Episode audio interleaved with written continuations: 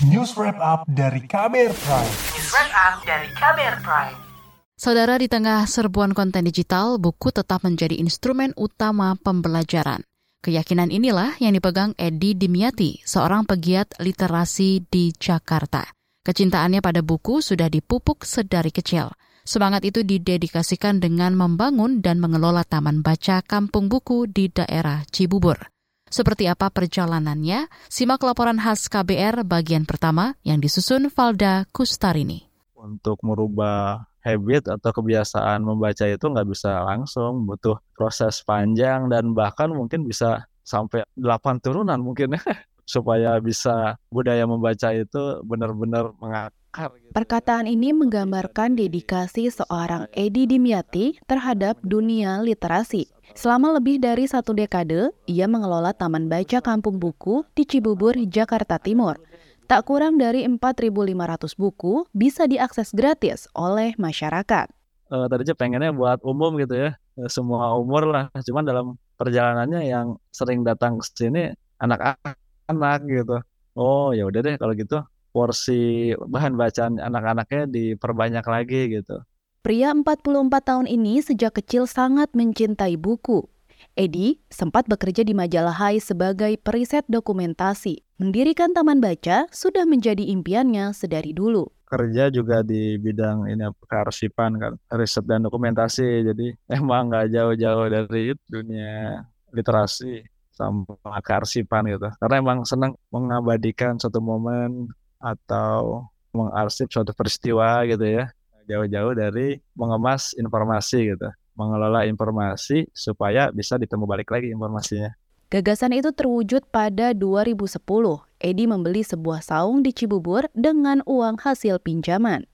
Saung itu harganya kan 5 juta tuh. Saya pinjam dari koperasi karena pengen banget gitu bikin taman baca. Saungnya tiga kali empat ya, itu berdiri di tanah seluas 115 meter persegi. Nah, jadi saungnya hanya 12 meter persegi. Sekarang masih eh, bangunan permainannya masih di sini, hanya luasnya udah full gitu kan. Kalau dulu kan masih banyak lahan kosongnya. Lulusan Ilmu Perpustakaan Universitas Pajajaran Bandung ini memilih nama Kampung Buku karena ingin wilayahnya dikenal sebagai tempat buku-buku.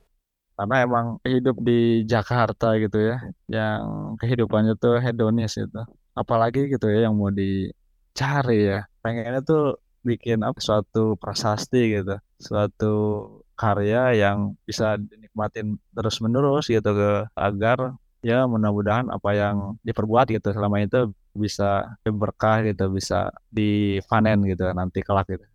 Pada 2017, Edi memutuskan keluar dari pekerjaan demi fokus mengelola taman baca.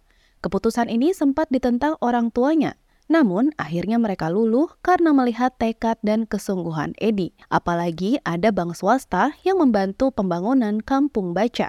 Ada bank swasta kan yang membantu yang ke sini tuh untuk bikin rumah atau bangunan permanen, terus dikasih koleksi dan segala macam lah banyak pokoknya intinya. Karena kan di tingkat gitu di sini gitu. Jadi kalau di bawah yang di belakang saya koleksi buku, nah kalau di atas untuk kegiatan sehari-hari gitu.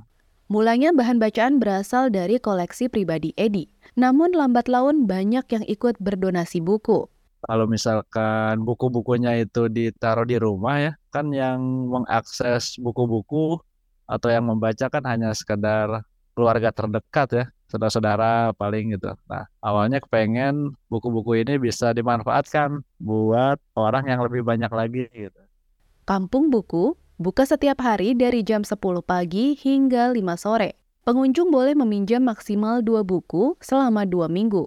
Anak-anak yang paling sering mengakses taman baca dan biasanya ada orang tua yang menemani. Kalau ibu-ibu di sini lagi nunggu buku-buku parenting didekatkan raknya gitu ya. Dari kedekatan itu pasti mereka ini kok menyentuhnya minimal menyentuhnya sih nggak usah dibaca dulu deh lihat dulu gitu ya Kan karena apa? Karena untuk aktivitas membaca itu bukan kewajiban ya, tapi kebutuhan gitu. Edi tidak menerapkan aturan ketat soal peminjaman buku. Fokusnya adalah menarik sebanyak mungkin orang untuk datang ke kampung buku dan membaca. Itu sebab ia tak mengambil tindakan apa pun ketika menemukan ada anak yang mengambil buku tanpa izin. Kata orang tua aja, ini Kang Edi anak saya maaf ya pinjam buku nggak dibalik-balikin udah numpuk sekardus gitu jadi saya jadi si anak itu pinjam tapi nggak bilang kan. Tapi poinnya sebenarnya buku itu nggak bakalan hilang sih sebenarnya. Nggak usah dijagain gitu di depan bukunya kita sih sebenarnya nggak hilang. Pasti diambil pasti dibaca gitu sama anak-anak gitu. Dan akan kembali lagi sih sebenarnya. Di kampung buku, Edi membuka bimbingan belajar yang dikelola oleh sang istri.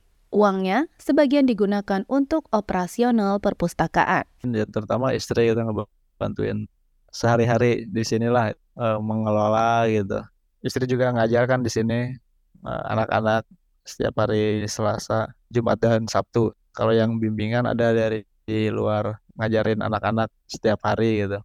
Terus dalam hal perawatan buku juga ngebantu sih istri Selain taman baca, Edi juga menjalankan perpustakaan bergerak untuk memberikan akses literasi ke banyak orang. Seperti apa? Simak kisahnya esok.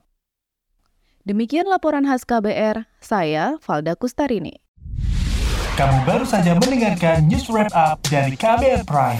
Dengarkan terus kbrprime.id, podcast for curious minds.